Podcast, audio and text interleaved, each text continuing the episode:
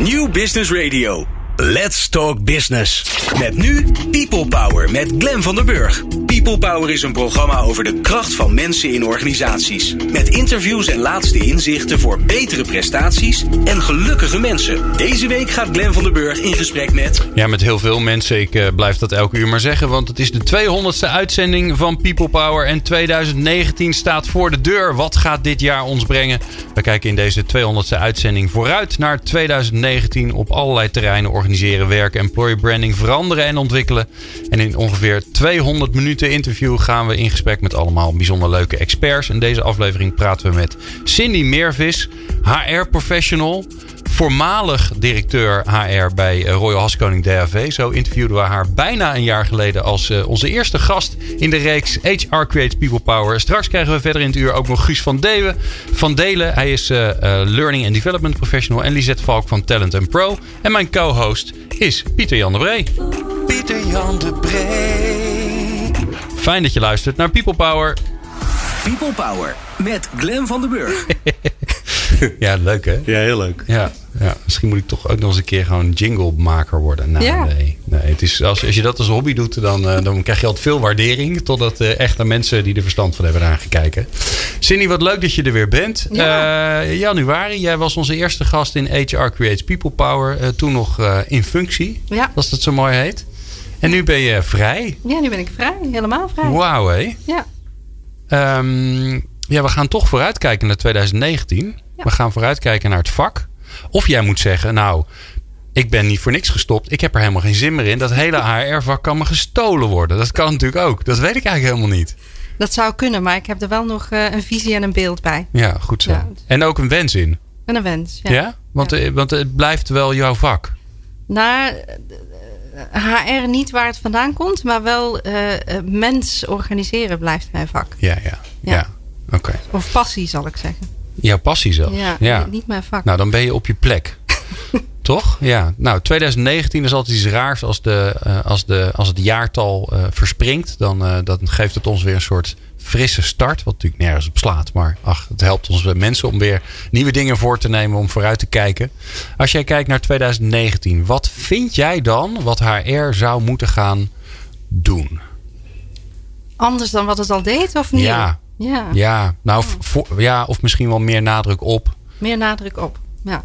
Ik heb de afgelopen weken eh, heel veel gelezen. Ik had heel veel tijd om te lezen. Meer, meer dan dat ik anders eh, heb. En dan bedoel ik geen eh, memo's en rapporten en budget proposals. Maar gewoon echte boeken en artikelen, et cetera. En ik was zelf wel aan het lezen van... hey, wat zijn nu de dingen die spelen in HR-land? En wat zijn de thema's? Wat komt voorbij? Wat me opviel is dat op LinkedIn, maar ook op andere social media... als mensen wat vertelden... dan ging het heel vaak over leiderschap. Hm. Eh, dus heel veel mensen die er zelf wat mee doen, die eh, zelfstandig zijn, eh, die daar ook een passie voor hebben. Eh, dus dat, dat thema komt eh, vaak voorbij. Om, om de week eh, verschijnt er wel een nieuw boek over leiderschap. dus dat Ja, was- dat is echt ernstig, ja. ja als je erbij wil houden, is niet te doen. Veel gelezen. Ja, ik heb een cursus eh, speedreading gedaan. Oh. Dus ik lees eh, drie boeken per dag. Nee, nee. Ehm, maar dus leiderschap was zo'n thema dat ik dacht van... hé, hey, dat, dat zie ik vaak voorbij komen. Eh, en een ander iets eh, wat ik vaak voorbij zie komen... maar dat was dit jaar al en dat was daarvoor ook al... is leren. Dus learning agility... maar ook het, het continu leren...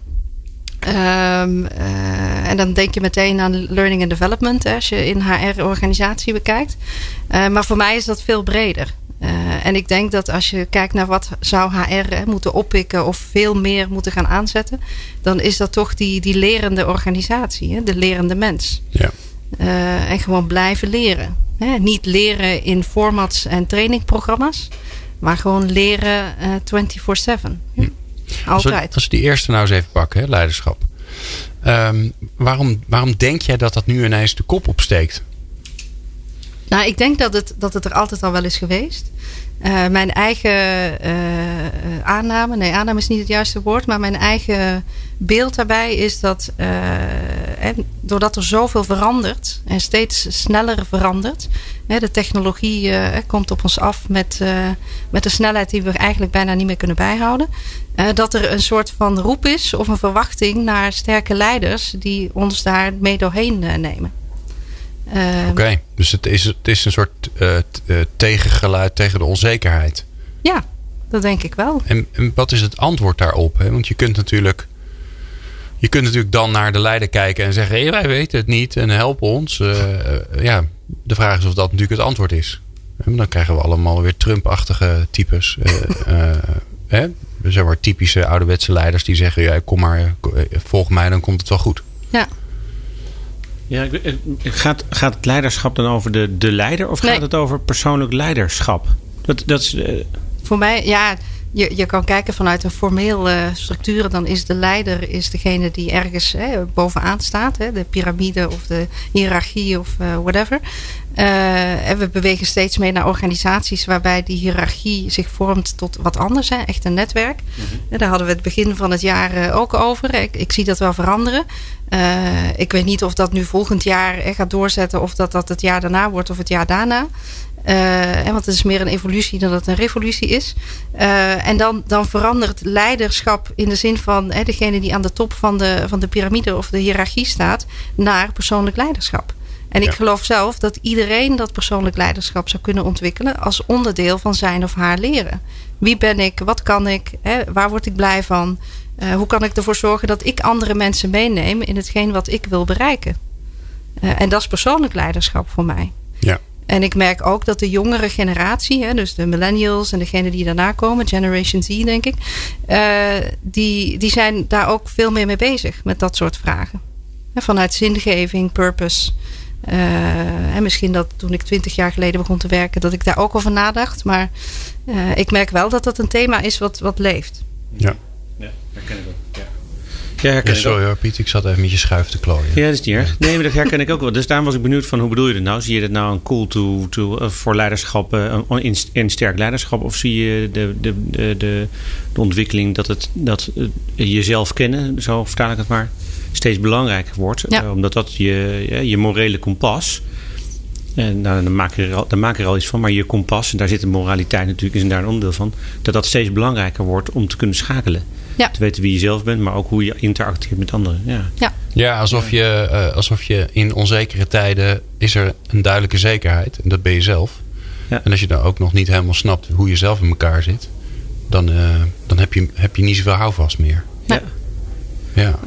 Maar dat, dat, dat zijn twee dingen die ik, uh, die ik de afgelopen weken veel voorbij heb zien komen. Ook heel veel ondernemers. Vind je dat terecht overigens? Hè? Want dat? ik ga er even vanuit dat jij dat terecht vindt dat dat de thema's zijn. Maar dat is wat je veel lang ziet komen. Nou, misschien is dat mijn eigen bril, hè, door, waardoor ik de wereld bekijk. Hè, doordat ik het zelf fascinerend vind, is dat Ja. hetgene wat ik zie. Ehm, eh, ik denk wel dat eh, in een omgeving waar steeds meer verandert, hebben we meer leiders nodig. En dat hoeven niet altijd dezelfde mensen te zijn, maar daar waar iemand denkt van ik kan hier de leiding nemen, omdat ik er of uh, een passie voor heb, of ik ben gefascineerd, of ik heb het idee dat ik weet hoe ik dit moet gaan doen. Uh, omdat er zoveel uh, uitdagingen zijn die wij moeten beetpakken. Ik, vanochtend zag ik een filmpje van een 15-jarig Zweeds meisje op um, een wereldcongres. Ik ben even vergeten wat het was, maar het ging over climate change. En uh, zij hield een toespraak. En dan denk je van, hey, leuk, 15-jarig uh, meisje. Uh, die komt wat vertellen over, over hoe het anders moet. Hè? En, maar ze had een hele stevige message. Hè? Ze zei van, ja, jullie zijn nog steeds bezig met thema's die echt gericht zijn op groei, op financiële groei. Maar daar gaat het niet meer over. Hè? Jullie, hè? dus daar spreekt ze dan... Grote mensen, Grote ja. mensen, spreekt ze mij mee aan. en jullie. Um, jullie verbronnen, hè? jullie verknoeien het voor ons. Ja. En, en, wij zijn degene die de prijs gaan betalen over twintig jaar. En wat ja. doen jullie daar dan aan? En we zijn hier niet om jullie te to beg you to do something. No, we tell you something is going to change. Ja. Dus daar zit ook passie en overtuiging achter. En wat betekent dat nou? Dat vind ik wel interessant. Wat gaat dat nou voor organisaties betekenen? Hè? Want dat betekent natuurlijk uiteindelijk ook wat voor de mensen. Dus de, de, uh, zeg maar, de hele ontwikkeling rondom duurzaamheid, uh, klimaatverandering. Hè, daar, daar is natuurlijk enorm veel aandacht voor. We hebben eindelijk door dat het een probleem is. Dat hadden we natuurlijk al heel lang. Maar ondertussen, nou ja, zelfs Trump zegt dat het dat het waar is. hij zegt alleen niet dat het een probleem is, maar hij zegt wel dat het waar is. Ehm, dat gaat natuurlijk ook heel veel betekenen voor organisaties. Het gaat ook heel veel. be- Het bewustzijn van ik wil ertoe doen. Gaat ook wat betekenen voor organisaties die daar nog geen antwoord op hebben, kan ik mij zo voorstellen. Nee, nou, sommigen wel. dus ik was een paar weken geleden bij de School of Life. En dat ging over de future of work. En eh, daar was de oprichter van Tony's Chocolonely. Ja. Nou, dat is zo'n bedrijf hè, dat, dat dat natuurlijk wel eh, doet. Eh, en eh, hè, die wel duurzaam wil, wil, wil produceren. Hè, maar ze, ze zijn een van de eerste bedrijven. Hè, dus en steeds meer bedrijven zullen dat moeten gaan doen. En niet omdat het nice window dressing is. We have a purpose. Maar dan hè, tegelijkertijd zitten ze toch nog steeds naar de, alleen naar de financiële resultaten te kijken. Ik denk dat de jongere generatie dat steeds minder gaat accepteren. En je hebt bij grote corporates gewerkt, hè? Eh, bij, Axo eh, Nobel. maar bij Axo, bij, bij he- heel veel afkortingen. R, Royal Haskoning, DAV. RHDAV. Ja, daarom. Dat bedoel ik. Ehm, zag je dat daar ook gebeuren? Ehm, na, toen ik daar kwam, heb, heb, heb, ik samen met, eh, met collega's eh, marketing, communicatie, strategie aangegeven dat, dat het belangrijk is dat we daarover vertellen. Nou, nu is het zo dat RADAV heeft een hele sterke geschiedenis en een sterke legacy. Dus wij kunnen daar ook over vertellen. Because we create the world. Dus dat, dat, wij, maken de gebouwde eh, omgeving waar we in leven. Dus daar zit al een purpose. Maar dan maak je die veel meer expliciet. Maar het zou mooi zijn als die purpose eh, boven de financial results staat. Hè? Dus het financiële resultaat is het gevolg van je purpose en niet andersom. Ja. Eh, en dat is wat een Tony's Chocolonely eh, doet. En eh, wat, wat andere hè, van die bedrijven doen, die draaien dat om. Ja. Denk je dat, dat grote bedrijven dat kunnen überhaupt? In het krachtenveld waarin zij zitten. Hè, want Axo heeft natuurlijk eh, ook wel een lange tijd die koers gevolgd. Ja. Nou, daar zijn ze, hè, die hebben glazer gehad met hun aandeelhouders, even Ja. simpel gezegd. Eh, kan het überhaupt? Unilever wilde het ook, kreeg ook gedoe. Ja, lastig. Ja, je allemaal van die, van die vervelende hedge funds en zo, waar ik allemaal niet zoveel van snap. Maar wat ik wel snap is, dat krachtenveld, dat, ja, dat schaaft toch weer het echte extreme ervan af. Nou, in het huidige systeem is dat, is dat inderdaad lastig. Dat is niet makkelijk. Eh, en dus en dan weer terug te gaan naar die School of Life. Er was een, eh, een eh, economist eh, aanwezig, Mariana Mazzucato. En ze zei van ja, we, we need to reinvent um, the rules of the game. Dus the system we created is gewoon niet meer fit for purpose. Dus wij moeten dat anders gaan inrichten. Met andere criteria, andere maatstaven. Uh, en wij zijn de enigen die dat kunnen veranderen. Ja, ja, en aan de andere kant is dat ook wel weer heel ingewikkeld. Ja, maar sommigen doen het al.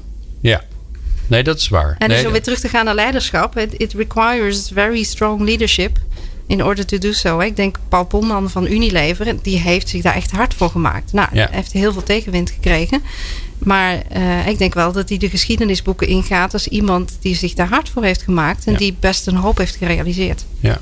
Wat, wat, welke rol kan HR nou in dit vraagstuk spelen? Hè? Als het gaat over purpose, ergens aan toe willen bijdragen, zorgen dat we de wereld beter achterlaten dan we hem gevonden hebben. Wat is, is dat een HR-thema of moet iemand anders dat gewoon doen? Nou, er zijn, zijn onderdelen in HR die, daar geraakt, die daardoor geraakt worden. Employer branding, hoe je mensen eh, enthousiasmeert om bij je komen te werken. eh, hoe je mensen ontwikkelt, daar kan je aan bijdragen. eh, en door, door dat leiderschap te ontwikkelen. Door die cultuur mee vorm te dragen. Maar altijd in samenspraak of, of samenwerking met, met marketing, met communicatie. Ja, dus, want jij, jij, jij bent niet voor niks al even een stap aan het maken. Hè? Dus je bent, eh, je bent even vrij om, om ruimte te maken voor wat, wat wordt mijn volgende stap. Ehm, dus als je, de hele, als je de stoute schoenen echt aantrekt en je zegt, en, en iemand zegt, weet je wat, jij, jij wordt HR-directeur en je krijgt de vrijhand. Hoe zou je het dan doen? Wat moet er dan veranderen? Dat is een goede vraag. Wat ik, wat, ik, uh, wat ik geprobeerd heb bij RADRV, en voor een deel is dat ook wel gelukt, uh, is om, om dat verhaal te gaan vertellen uh, vanuit die purpose. En, en niet, niet de window dressing verhaal. Hè? Want je ziet nu soms ook filmpjes voorbij komen en dan denk ik van ja, dat is de huls en er zit niks achter. Um, en om medewerkers dat, dat verhaal ook te laten vertellen. Hè? Dus binnen de context die je schetst en, en gewoon met passie daarover te laten vertellen, dat is een taak die HR kan doen. Want dat inspireert andere mensen. Hè? Dus van oudsher zijn wij mensen die, die graag verhalen horen. Dus we zijn, we zijn gepassioneerd, raken geïntrigeerd door verhalen. Uh, van, van de held, hè, die heel veel tegenslag heeft en die het dan toch wordt. Mm Um, en en dat, zou ik, dat zou ik doen. En, en ook vanuit een leiderschapsrol zou ik verkondigen en vertellen van ja, dit is waar ik in geloof. Hè, hoe, hoe gaan jullie daarmee invulling aan geven? Want ik heb niet alle antwoorden. Ik heb wel een idee van hoe je dat zou kunnen gaan doen. Uh, en dan stapsgewijs uh, die richting oplopen. ja, verhalen. Mensen zijn verhalen en de verhalen maken de organisatie. Ja. En naar binnen en naar buiten, moet ik jou ook zeggen. Ja. Ja. En zoeken, hè? dus volgens mij ook, ook, uh, ook jezelf toestaan om te zoeken zonder dat je een, uh, een, een, weet waar je naar zoekt. Dus je weet wel waar je naar zoekt zonder dat het zich al er is. Ja, ik heb een mooie, een mooie uh, quote daarover. Vertel, vertel verder, ik ga hem even Je moet even de, even de tijd Nou, dichtpraten, want dat is, Cindy gaat hadden, namelijk wat leuks opzoeken. Ik ben nu de tijd aan het dichtpraten voor je. We hadden het ervoor hadden het heel even over, inderdaad, over dat zoeken. En dat zoeken gaat volgens mij inderdaad dat je Joseph Jaworski heeft het ook wel eens over gehad. Hè? De, iets is al manifest zonder dat het manifest is. Dus het is er al, maar je moet het nog er, het moet nog manifest worden. Moet nog zien. Het moet het nog zien. En dat is volgens mij wat je, wat je bedoelt. Hè? Dus dat vertrouwen in als we maar op pad gaan en zoeken, dan komt het wel. Ja. En dan ook dan moeten we door blijven gaan met zoeken. Ja. Terwijl er ook een moment is dat je weet dat het, dat het is. Hè? Dat is natuurlijk het paradoxale. Want iedereen zegt, ja, ja, we gaan zoeken. Want dat is volgens mij waar we zoeken uh, last van heeft. Dat je, uh, ja, dan lijkt het alsof je nooit iets vindt. Nee. Maar je hoeft, op, op, je hoeft op zich niks te vinden. Ik heb gevonden wat ik, uh, wat ik wilde vinden. Maar... Mooi. is gelukt het is gelukt. Ja. Het, het, het heet uh, Koddywompel. Uh, dat woord kende ik niet, maar het staat voor uh, to travel purposefully toward an as yet unknown destination. Koddywompel. Koddywompel. Maar het klinkt, dat klinkt ook heel Brits ja, gelijk, ja. hè? Gelijk. Oh no, I'm Koddywompel. oh, I'm Oemelowompa. Mooi woord. Ja. ja.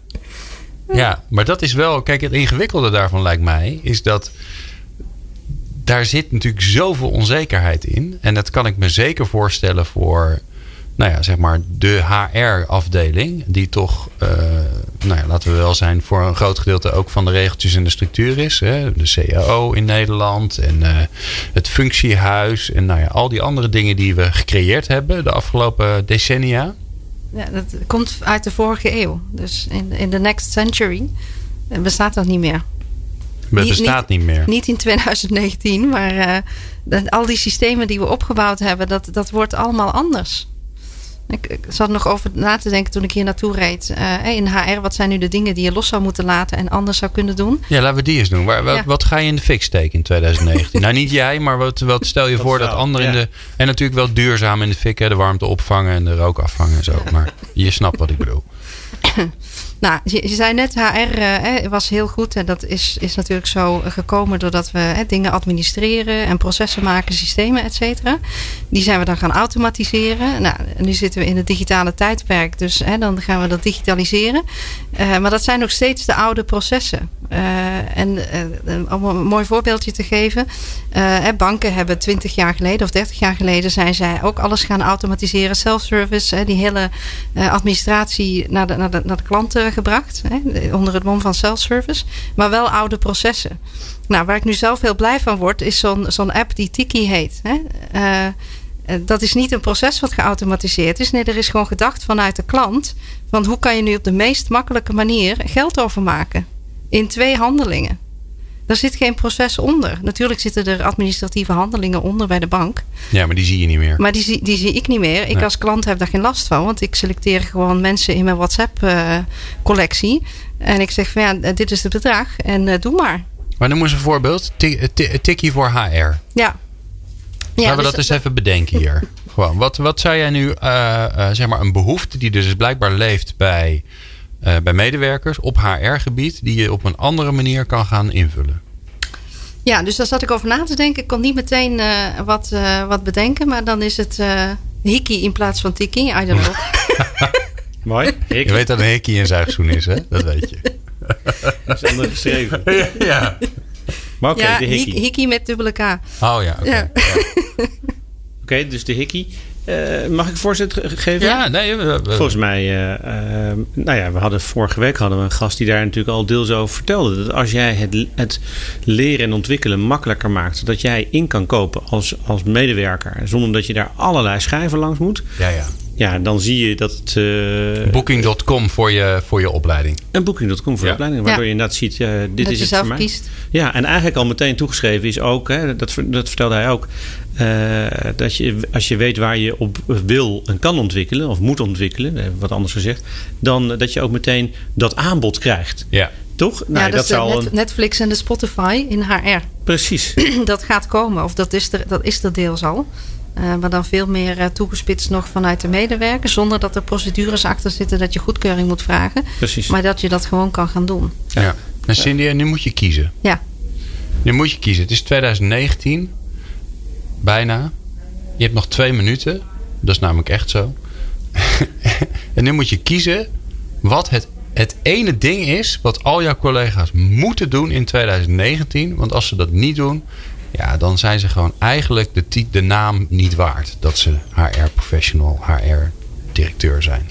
verken eh, artificiële intelligentie in HR. Zo, die zag ik niet aankomen, zeg. Echt waar? Nou, wa- waarom?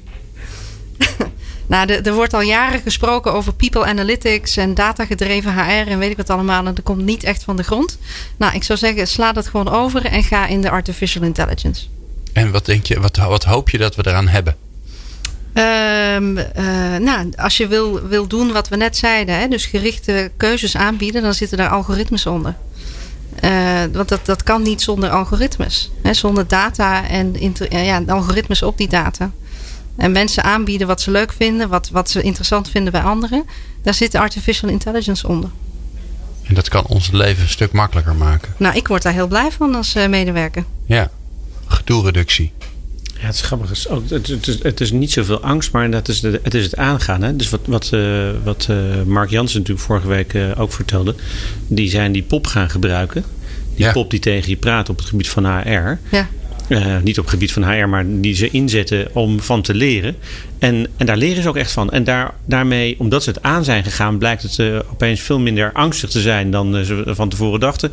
En, en, en gaan ze nu veel meer omarmen. Ja. Dat is wat jij bedoelt, hè? Dat je gaat gewoon doen, gaat gebruiken. Proberen. Proberen, ja. ja. Mooi. Mooi. Cindy, ik vond het ongelooflijk leuk dat je, dat je er eh, bent. En eh, leuk dat je ook nog even blijft, zo gezellig. Misschien kom je zo nog, nog wel even langs, weet jij veel. Je weet maar nooit wat er in de komende uren gaat gebeuren. Ehm, en natuurlijk zien we jou eh, graag terug. Want het leuke is, eh, stel je voor dat je straks weer een nieuwe... Ik weet niet of je een baan, wat je ook gaat doen. Maar als je weer ergens bent, ja, dan heb je weer een nieuw verhaal, verhaal te vertellen. Dan kun je gewoon weer gezellig terugkomen bij ons. Ja, lijkt me helemaal Dus leuk. eh, je bent zeer welkom. Dankjewel. Wij praten zo verder natuurlijk weer in, dit, in deze marathon-uitzending van People Power. En dan komen, even kijken, wie krijgen we eigenlijk? Wie krijgen we? Guus van Delen en ehm Elisette Valk. En die komen praten over ontwikkelen in 2019. Hoor je zo? People Power. Inspirerende gesprekken over de kracht van mensen in organisaties. Met Glen van der Burg. Ontwikkelen, leren en opleiden wordt steeds belangrijker en krijgt zeker in deze tijd van een krabbe, krappe arbeidsmarkt weer heel veel aandacht. En ook de aandacht die het verdient, want dat heeft het natuurlijk eigenlijk altijd nodig. Hoe ontwikkelen van mensen er in 2019 uit gaan zien en wat de trends zijn, bespreken we met Guus van Delen en Lisette Valk van Talent Pro. En Guus moet ik nog even vragen, want die vorige keer dat je in de uitzending was, Guus, was je net begonnen. Ja, En ehm, eh, toen eh, had je nog geen bedrijfsnaam, maar nu wel. eh, een soort van. Dus hij, is soort nog, hij is nog in. hij, hij smult nog niet lekker, maar wel een soort van slogan. Oh, Van opleiden naar oplossen. Maar dat is te lang om dat in een bedrijfsnaam te noemen. Dus, ehm, maar dat is wel Ja. waar ik voor sta. Ehm, We hadden toen toch een bedrijfsnaam bedacht voor. ja, maar bedenken ze wel weer een nieuwe. ja, en Maakt de uit. consultancy, dat is natuurlijk ook veel te Van op. Delen. Guus van Delen en zijn vrienden. Ja, precies. Maar goed. Alright. Ehm, nou, eh, eh, opleiden en ontwikkelen. Eh, eerst maar eens even naar jou, Guus. Als jij naar 2019 kijkt, dan heb je natuurlijk allemaal verlangens en wensen en trends die je eraan ziet komen. Be- laten we beginnen met de belangrijkste. De belangrijkste trend. Ja, Dan moet ik er één kiezen. Ja, nee, dat klopt van Leren die, eh, binnen organisaties wordt steeds meer pool ingericht. In tegenstelling tot waarin het vroeger redelijk push was. En als ik dat enigszins toelicht. Hè, eh, we hebben leerlijnen binnen organisaties waarin je verplichte trainingen moet doorlopen ritsen met e-learnings die je voor een bepaalde datum moet, uh, moet uh, afgerond hebben, enzovoort, enzovoort. En je ziet dat uh, leren steeds meer het ontsluiten van informatie wordt.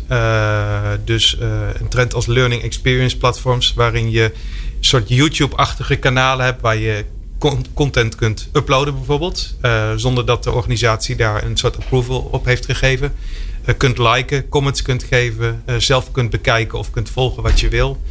Uh, persoonlijke leerbudgetten. Uh, uit een soort vitrine. Kies zelf maar wat je denkt dat goed is.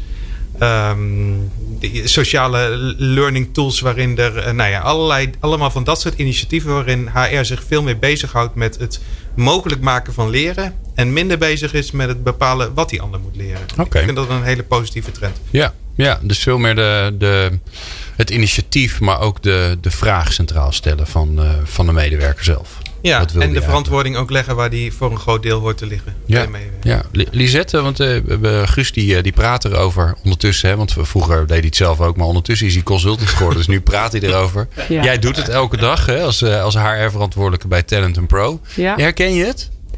Ja, ik, ik herken het wel heel erg. En uh, ik herken vooral de behoefte eigenlijk aan efficiëntie van uh, tijd. Uh, dat onze medewerkers werken fulltime, uh, maar ze hebben een druk sociaal leven ook. En we verwachten ook dat ze zich um, ontwikkelen en dat ze veel opleidingen halen, waarvan een deel moet vanwege de branche, maar ook gewoon een deel omdat ze dat zelf graag willen. Ja, want jullie zitten veel in de financiële branche, dus ze moeten allemaal allerlei nou ja, uh, uh, certificaten halen, anders mogen ze het niet eens werken. Ja, precies. Ja.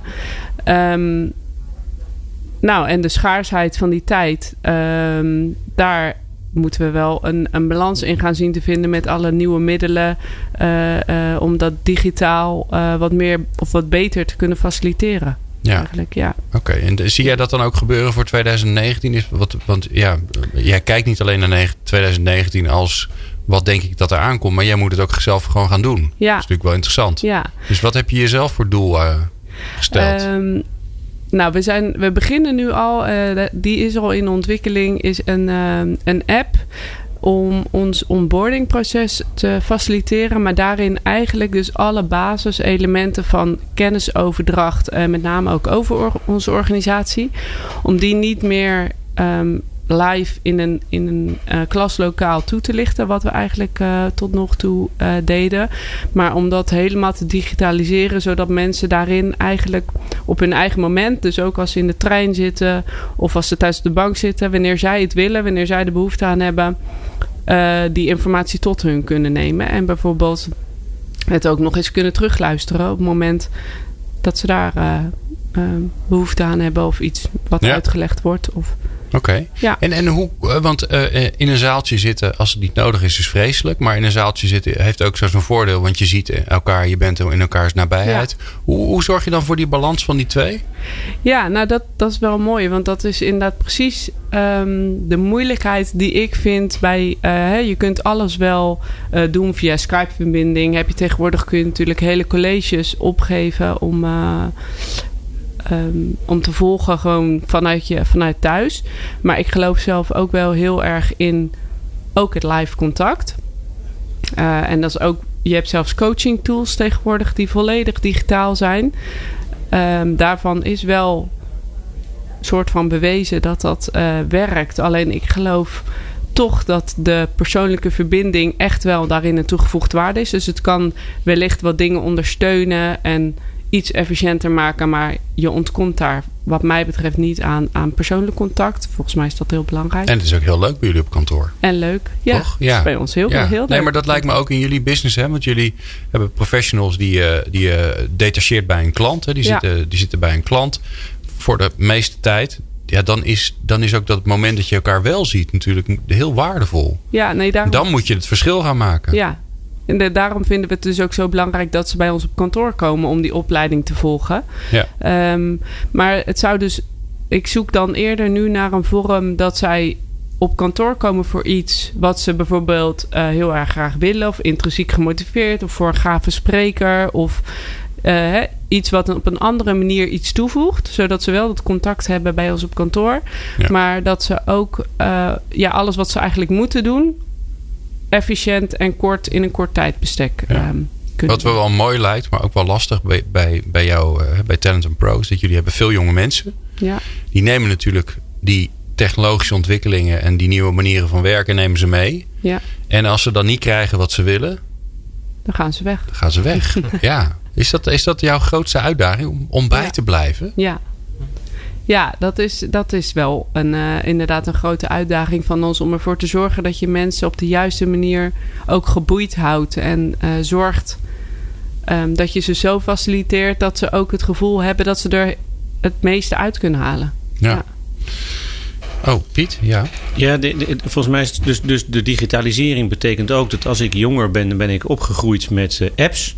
En dat verwacht ik eigenlijk ook als ik bij jullie kom werken. Dat het me Ja. zo makkelijk wordt gemaakt als, daar, hè, als alle apps die ik al gebruik. Dat is wat, wat digitalisering Ja. dan betekent. Ja, wat je, wat je heel erg ziet, of wat ik merk, is dat mensen gewoon ge- eh, zijn heel erg gewend om dingen te doen op het moment dat het hen uitkomt.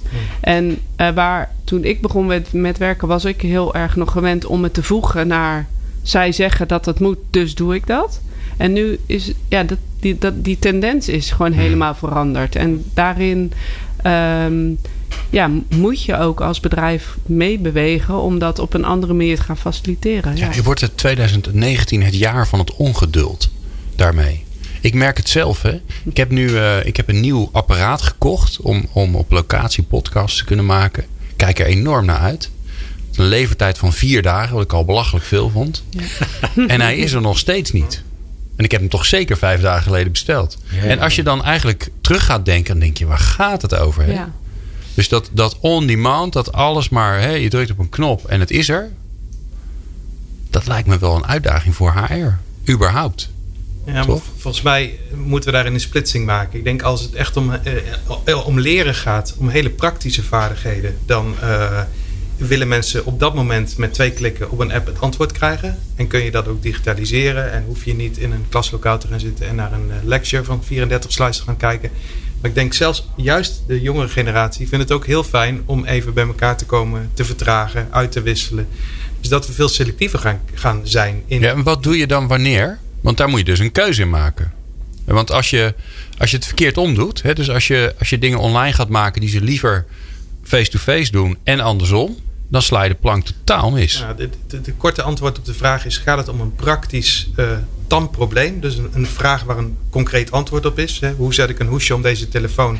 Dan kun je dat middels performance support, zo heet dat. Hè? Dus eigenlijk het juiste antwoord op het juiste moment, just in time ontsluiten. Ehm, maar gaat het om vragen die even sudden tijd nodig hebben, waar je even over moet reflecteren, wat je uit wil wisselen met een ander, eh, waar niet een goed antwoord op is. Eh, daarin denk ik dat het veel fijner en leerzamer is om het even met elkaar fysiek in een ruimte te zijn en daar rustiger over te hebben. Dus En noem eens een, voordeel, voor, een voorbeeld van tweede. Wat zou jij nooit online doen? eh, intervisie met of, nou, jonge leidinggevenden die enorm aan het struggelen zijn. Die waren ooit deel van het team, zijn nu baasje van de club. En hoe verhoud ik me nu tot mijn collega's?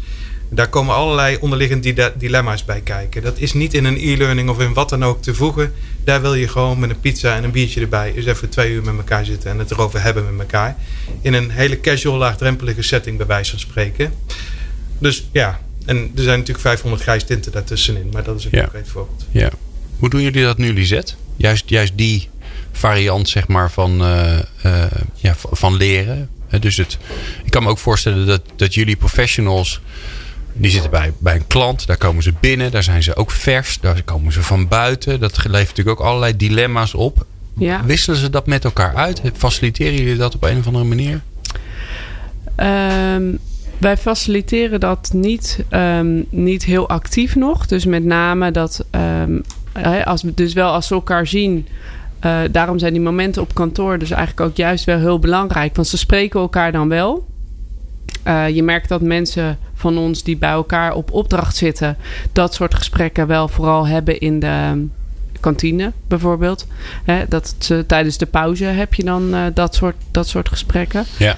Maar het is voor ons wel heel waardevol om ook nog van die intervisies ehm, eh, te, te organiseren. We hebben daar wel momenten voor gekozen, steeds om dat eh, eh, periodes zeg maar, te faciliteren. Maar dat, ja, dat zie je ook wel weer dat het een beetje dood, doodbloedt, omdat het dan minder gedragen wordt. Dus ja, het is be- belangrijk dus dat het eh, genoeg toegevoegde waarde heeft, ook voor medewerkers om te komen. Ja. Ja. ja. Nou ja, eh, misschien wel een hete hangijzer eh, als het gaat om leren en ontwikkelen. Want eh, er is van alles. We hebben allemaal mooie online tools. En er zijn eh, bijeenkomsten en intervisiesessies. En er wordt van alles en nog wat georganiseerd. Maar ja, hoe zorg je ervoor dat mensen komen? Hoe gaan we dat in 2019 voor elkaar krijgen, Guus? Want eh, het, volgens mij, nou ja, als ik dat in ieder geval hoor. eh, we hadden laatst hier de, de hoofd People Development van de Rabobank. En die was enorm trots en terecht. Dat hij eh, de, de betrokkenheid bij het duurzame zetbaarheidsbudget of het ontwikkelingsbudget. Dat was 11% geloof ik en dat was nu 40%. En dat is natuurlijk knap, hè? dat is vier keer zoveel. Maar ja, nog steeds, de meerderheid maakt er nog steeds geen gebruik van. Nee. Dat is toch bizar eigenlijk, hè?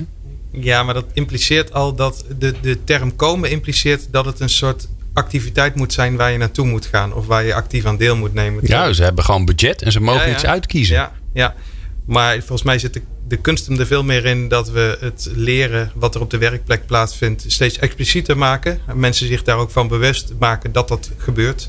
Eh, zich daarmee bewust, eh, dat, dat, dat ook meer delen met elkaar.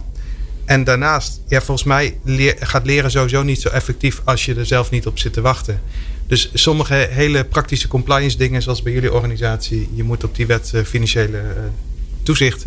Ehm, daar moet je je certificering voor halen. Punt. Daar hoef ook niet al te lang over te bakkeleien. Dan heb je misschien nog wat nice to haves. En je, als organisatie wil je heel selectief zijn in. eh, nou, dit, dit is er ter beschikking voor de mensen die willen. En dit moet. Eh, en moet het, het verplicht stellen van opleidingen of het ze naar, naar het water toe brengen niet een soort doel op zich worden. Guus, nou ken ik jou, heb ik jou ook leren kennen als een hele creatieve man. Hè? Ja. Ik weet dat wat je naast, naast jouw werk ook nog doet. Hè? Je organiseert onder andere. Vertel eens wat je doet. Streetfood tours. Streetfood tours. Dus je bent een creatief man. In mag je zo vertellen. Ja. Ehm, maak het eens leuk. Dus hoe maken we leren leuk? Hoe zorg je nou dat mensen... Want hè, je klinkt als een, je- nu geef je een soort heel serieus antwoord ja, waarvan ja. ik denk... Sorry Guus, dit moet, dit, nu, moet- nu word je consultant. Dit moet je niet doen. Huppakee. Begin bij, en nu ga ik toch weer terug naar mijn. Begin bij het organisatieprobleem. Ga, stop met de hele term leren. Iedereen die binnen een organisatie werkt, die eh, ervaart frustraties, ziet dingen die beter kunnen, heeft ideeën hoe het leuker kan. Ga je dat als centraal vertrekpunt gebruiken en maak je daar een multidisciplinair clubje omheen waar toevallig ook iemand van leren bij zit, dan gaat iedereen als de brandweer om dat probleem op te lossen, want dan, dan is het relevant, dan snappen we de logica, dan eh, kunnen we ook de effecten daarvan meten. Dus dat is uiteindelijk in mijn ogen de belangrijkste eh, succesfactor om het efficiënt en dus ook leuk te maken. Stop met leren als doel op zich. Kies bedrijfsproblemen als centraal vertrekpunt en dan gaat leren vanzelf. Mooi. Ja. Alright. Ja, Lisette, hoe, hoe, eh, hoe, hoe klinkt dat voor jou? Want jij zei in de uitzending waar jij een uur te gast was, zei je... wij zijn eigenlijk helemaal geen, eh, geen detacheringsbedrijf. Wij zijn een ontwikkelbedrijf. Het enige wat Ja. wij doen eigenlijk is mensen ontwikkelen. Ja. Ja, ik, ik kan me ehm, zeker wel vinden in de stelling eh, van Guus. En volgens mij zit er een, in ieder geval een heel belangrijk punt in het woordje moeten. Ik heb het idee dat als, ja, zodra de, ehm, de gedachte of het gevoel is van ik moet, ik moet dit of ik moet daarbij zijn, of dat dan eh, heel veel mensen al in de ankers gaan. En ik weet nog niet precies hoe, maar ik heb wel het gevoel dat daar een sleutel ligt eh, tot succes, om dat op een andere manier. eh, Ja, op een andere Ja. manier het enthousiasme. Want ik geloof er heel erg sterk in ook dat het een intrinsieke motivatie eh, moet zijn. En dat het anders ook helemaal niet werkt en Ja. ook helemaal geen zin heeft. Nou, nou leren ze bij, bij, bij jullie, hè, bij Talent Pro natuurlijk ook heel veel... omdat ze op een klus zitten. Ja. En meestal eh, verschillende. Hè? Want eh, nou, een aantal maanden of een jaar ergens en dan gaan ze weer ergens anders heen. Dus het, eh, door de afwisseling die er al in het, eigenlijk in het werk zelf zit, leren ze heel veel. Ja. Dat is natuurlijk bij heel veel organisaties is dat, is dat niet zo. Daar zitten mensen veel langer op een bepaalde plek. Wat kunnen, wat kunnen organisaties daar nou van leren van jullie? Nou, als ik zelf aan het hoofd zou staan van een grote corporate, dan zou ik eh, daarin een soort door schuifsysteem, bij wijze van spreken. Dus dat iedere medewerker die binnenkomt, ehm, nou, wellicht in, een, of een bepaalde groep mensen. Dat heb je natuurlijk nu al wel eens met traineeships. Maar ik geloof er wel in om als jij gewoon standaard een x aantal maanden op een bepaalde afdeling werkt en vervolgens doorgaat met de bagage die je daar hebt opgedaan, doorgaat naar de volgende afdeling waar je weer wat anders van, wordt je, van je wordt gevraagd en dan weer verder gaat, dat je dan in twee jaar tijd of in, in drie jaar tijd, want je moet dat wel. Je moet wel echt even meters maken op die afdeling. Het heeft geen zin om daar. Je moet eigenlijk in ieder geval tenminste één goede dip gehad hebben. Je moet een goede dip gehad hebben. ja, omdat ik geloof dat als je die dip hebt, ehm, zonder dip kun je niet groeien. Dus je moet eerst door een dip heen. En pas als je die hebt, hè, de confrontatie met die dip aangegaan bent, heb je weer wat, wat geleerd. En kun je weer verder met meer bagage. Dus volgens mij moet je dus niet op het moment van de dip weggaan, maar dan moet je juist blijven. En pas als je denkt, oh, nou, hè, de wereld ziet er weer gezellig uit, dan, uh, dan kan mag je, pas weer verder. Dan mag je door. ja. ja. Ja, Guus, hoe, kunnen organisaties ervoor zorgen dat, dat dat leren veel meer in het werk zit? Hè? Bijvoorbeeld door, nou ja, bij Talent Pro zit het al in de structuur van meerdere opdrachten doen in relatief weinig tijd. de radicale variant zou zijn functieomschrijvingen uh, schrappen. En ik heb een keer een voorbeeld van een Amerikaans bedrijf gezien. Die uh, gewoon managers staan iedere maand projecten te pitchen in de town hall. Met jongens, dit is het probleem wat we deze maand oplossen. Hoe zin? En degene die de leukste opdracht had en de vetste manier van branding, nou, die kreeg de meeste handen omhoog. En je was een maand projectmedewerker en daarna was je weer werkeloos en stap je in de volgende uh, trein. Nou, dat zal voor veel organisaties in Nederland te radicaal zijn. Ja, ik, ik ben een groot fan van het lean gedachtegoed. En daarin ga je dus naast het uitvoeren van je dagelijks werk... ga je steeds kijken van waar gaat het nu nog niet goed. En daar maak je een kaizen, een soort verbetertrajectje van. En dat doet zoveel met je mindset rondom je werk. Want je voelt in één keer eigenaarschap van... ik ben niet iemand die alleen maar meters aan het maken bent... maar ook iemand die mee kan helpen verbeteren. En het is dermate klein en kort cyclisch... dat het ook leuk en tastbaar en zichtbaar wordt. En in een soort trapmodel. Dus eh, de lean filosofie heeft ook heel veel mooie aanknopingspunten om het leren in de praktijk uh, te koppelen aan het behalen van betere resultaten. En, en, en um, als jij nou kijkt daarnaar, hè, want als je uh, want lean kom je op heel veel plekken tegen. Hè? Of, je, of je nou uh, zeg maar de, de, gewone manier, het lean, lean aan zich. Mhm. Wat natuurlijk veel in, in, in fabrieken en productieomgevingen gebruikt wordt. Maar ook bij lean startup. Het is ook de basis geweest van Scrum. Dus daar zit iets heel moois in. Ja. Ik hoor mensen daar bijna altijd met een soort half zuur, vies gezicht over praten. Ja. Ja. Daar is iets raars aan de hand, toch? Ja, we, slaan snel door in een modewoord en het, en het wordt dan een soort containerbegrip waar alles onder geschaard wordt.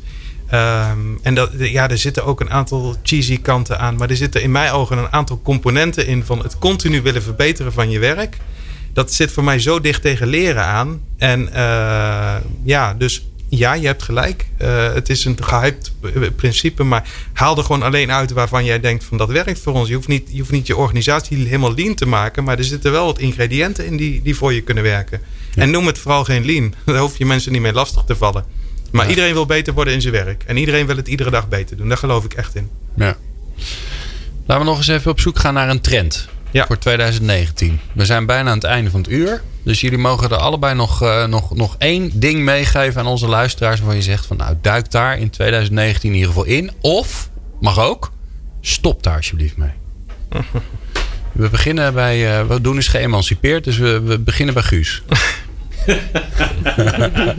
wat ik een interessante vond, ik ben eens wat, wat uh, documenten aan het doorlezen geweest, dat leren en ontwikkelen een steeds belangrijker uh, onderdeel wordt van je branding als organisatie in het aantrekken en behouden van talent. En dat is in op zich niks nieuws. Maar als je kijkt naar waar is het oorspronkelijke bestaansrecht van learning and development, dat was de mensen opleiden om hun werk te kunnen doen en bij te scholen als het werk anders wordt. dus je wordt ook opgeleid in mijn vak als, eh, nou kijk eens waar zit de gap met de performance, ontwikkel daar een trajectje naartoe enzovoort. Hartstikke mooi allemaal. Maar nu zie je dus dat het een hele andere invalshoek is. Dus je krijgt een soort van branding naar buiten toe om aantrekkelijk voor mensen te worden. Dus dat doet een appel aan een soort marketing, aan communicatie en hoe communiceer je dat naar buiten toe. En een heel andere skillset en een hele andere denkwijze dan de traditionele academies die voor de dagelijkse way of working worden gezien.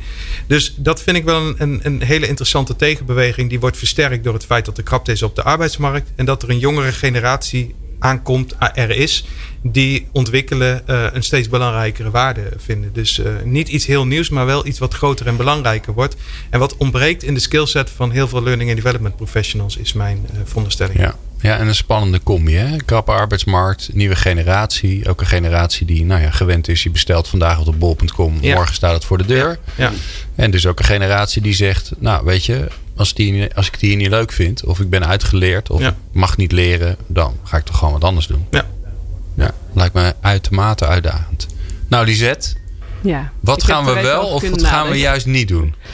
Ehm, volgens mij moet een trend worden voor 2019. ehm, die is nog niet heel erg bekend, maar is vooral een trend binnen ons bedrijf. Om stress te leren omarmen. Ehm, de laatste, ehm, nou, de afgelopen jaren merk je dat ehm, burn-out is een soort van half mode eh, verschijnsel geworden. En het, eh, hè, er staan krantenkoppen met eh, stress maakt ziek of werk maakt ziek. Ja, En werkziekte nummer één. werkziekte nummer één. Eh, terwijl als je je echt verdiept in, in burn-out en in stress, dan merk je dat een burn-out je sowieso niet zomaar hebt en je niet alleen maar krijgt van hard werken, maar dat, en dat je stress nodig hebt om je te ontwikkelen. Dus eh, volgens mij gaat het er niet om, om stress te vermijden, maar wordt het belangrijk hoe, ga je, hoe leer je om op een goede manier met stress om te gaan, zodat je ervan gaat groeien. En ehm, daar, wij zijn daar nu binnen, eh, binnen Talenten Pro mee bezig om het ook uit de taboesfeer te halen en het bespreekbaar te maken. Zodat je, ehm, als je het bespreekbaar maakt, kun je elkaar helpen, kun je mensen, eh, kun je je medewerkers helpen en dan op die manier, ehm, ja, eigenlijk nog, nog efficiënter eh, met je ontwikkeling omgaan. Mooi. Dank jullie wel. Eh, Guus van Delen en, eh, en Lisette. God, ik moet even zoeken hoor. Al die achternamen tegenwoordig. hè. Dat hou ik allemaal niet meer bij gewoon. Het is toch vreselijk. Hè? Valk. Lisette Valk. Van Talent Pro. En Pieter Jan de Bree. Pieter Jan de Bree. Dankjewel Piet. Eh, jouw twee uur eh, eh, co-hostschap zit erop. Dus nou, jij kunt onze gasten gaan entertainen. En, en als ik nou heel lief naar je kijk, wil je me dan straks over een uur of zo een, bordje brengen met eten? En een biertje. Want ik heb iets raars gedacht, bedacht voor mezelf. Namelijk dat ik hier gewoon vijf uur lang in dit hok zit. Waar ik overigens bijzonder veel plezier in heb. Want we hebben hartstikke mooie gasten. Dus dank jullie wel. Straks praten we natuurlijk verder met de volgende gasten. Ehm, en dan gaan we het hebben over ehm, ja, de, de, de toekomst van werk. En de toekomst van HR. Dat hoor je zo.